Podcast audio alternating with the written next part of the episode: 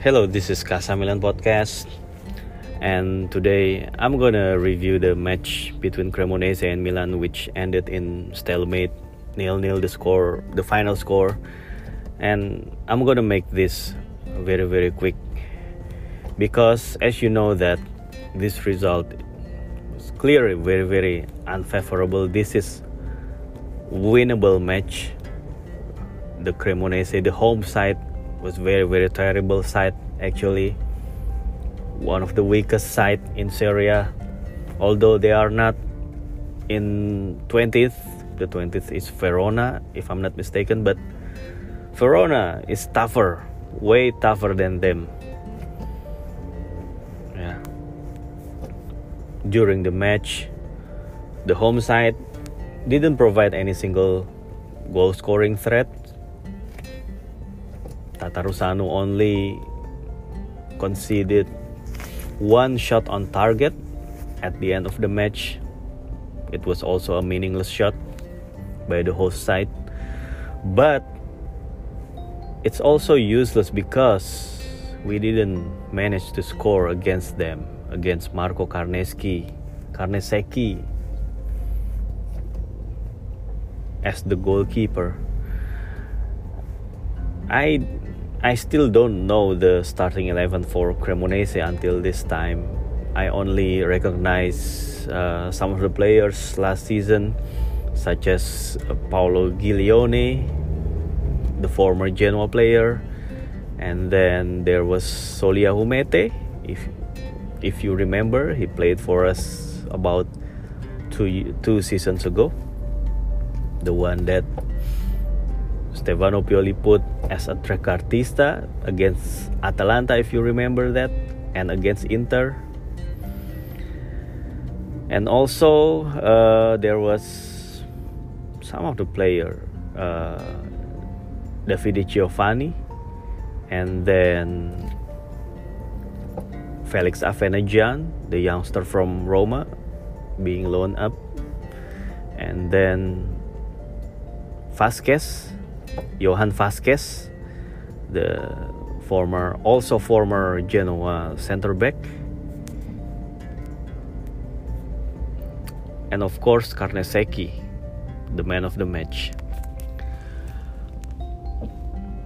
But just because their keeper selected as as one of the match, uh, man of the match, doesn't mean that didn't mean that Milan provide so many th- goal scoring th- threats.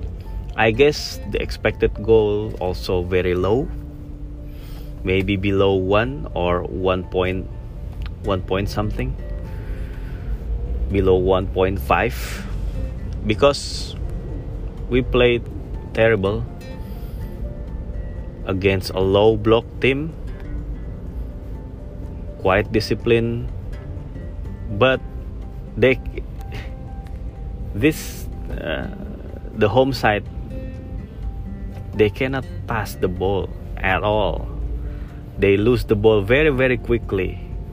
But once again it's it was useless when we can but when we cannot provide any single goal threat.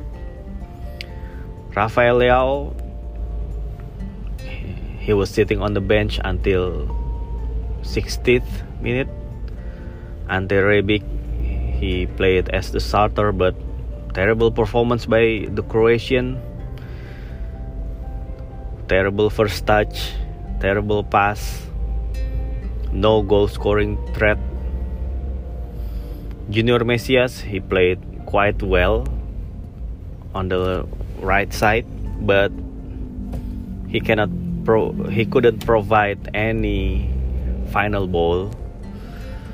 Divock Origi he tried so hard but he played alone.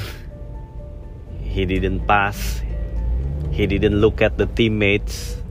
No no chemistry yet for the Belgian striker. The midfield Tonali and Bennacer they didn't spark their usual creativity or aggression no high intensity in this time in this game. Malick Thiaw he had his debut start as a starter as a right back. It's a it's a quite odd because Thiaw I think he didn't play well at the right full fullback. I know that the purpose of uh, putting Malick Thiaw there was to keep the three man defense when we have the ball. But at the left side, for the Ballo-Touré, he's not Theo Hernandez, man. Come on. He cannot provide any any threat in that game. He couldn't get the the crosses. He couldn't provide the aggression, the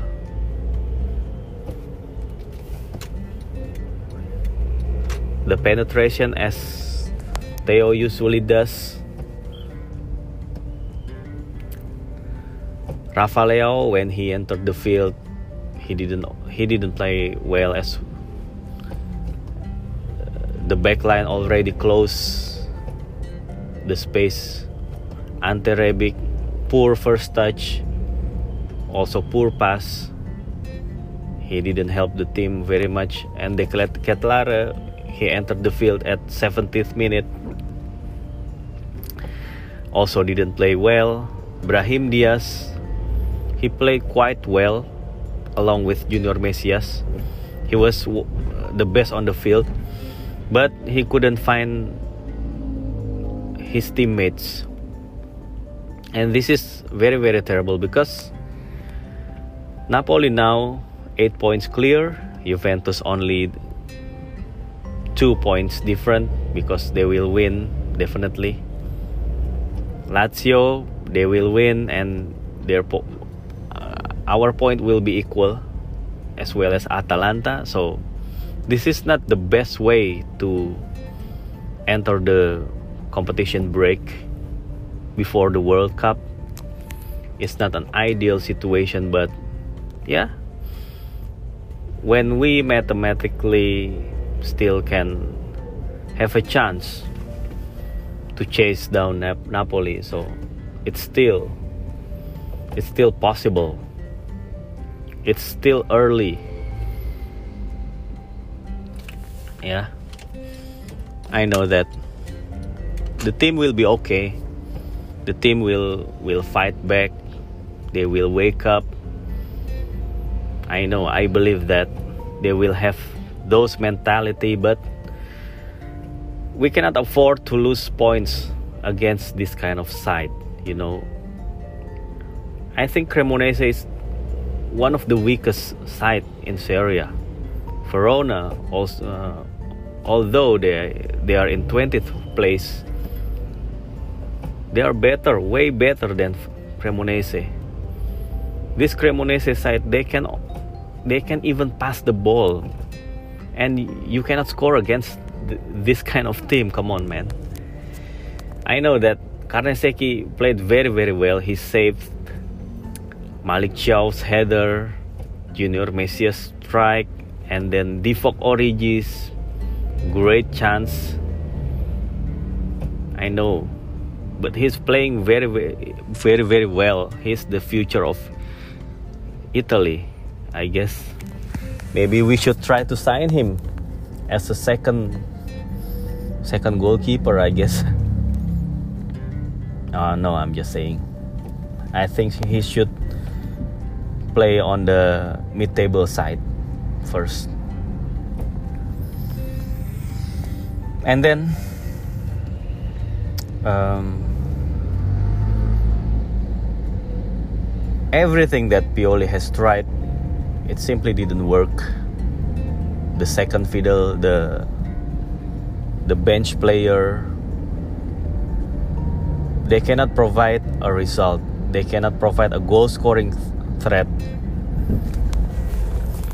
The team is heavily depend on players like Theo, and also Leao, which this is not good for us. Every big club they should perform well even though the starters are on the bench.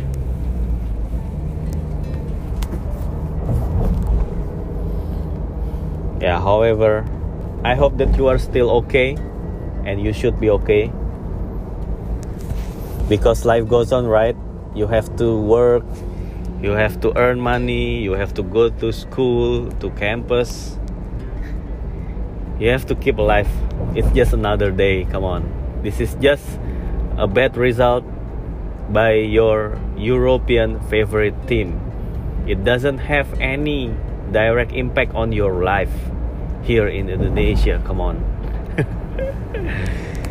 you still have to work.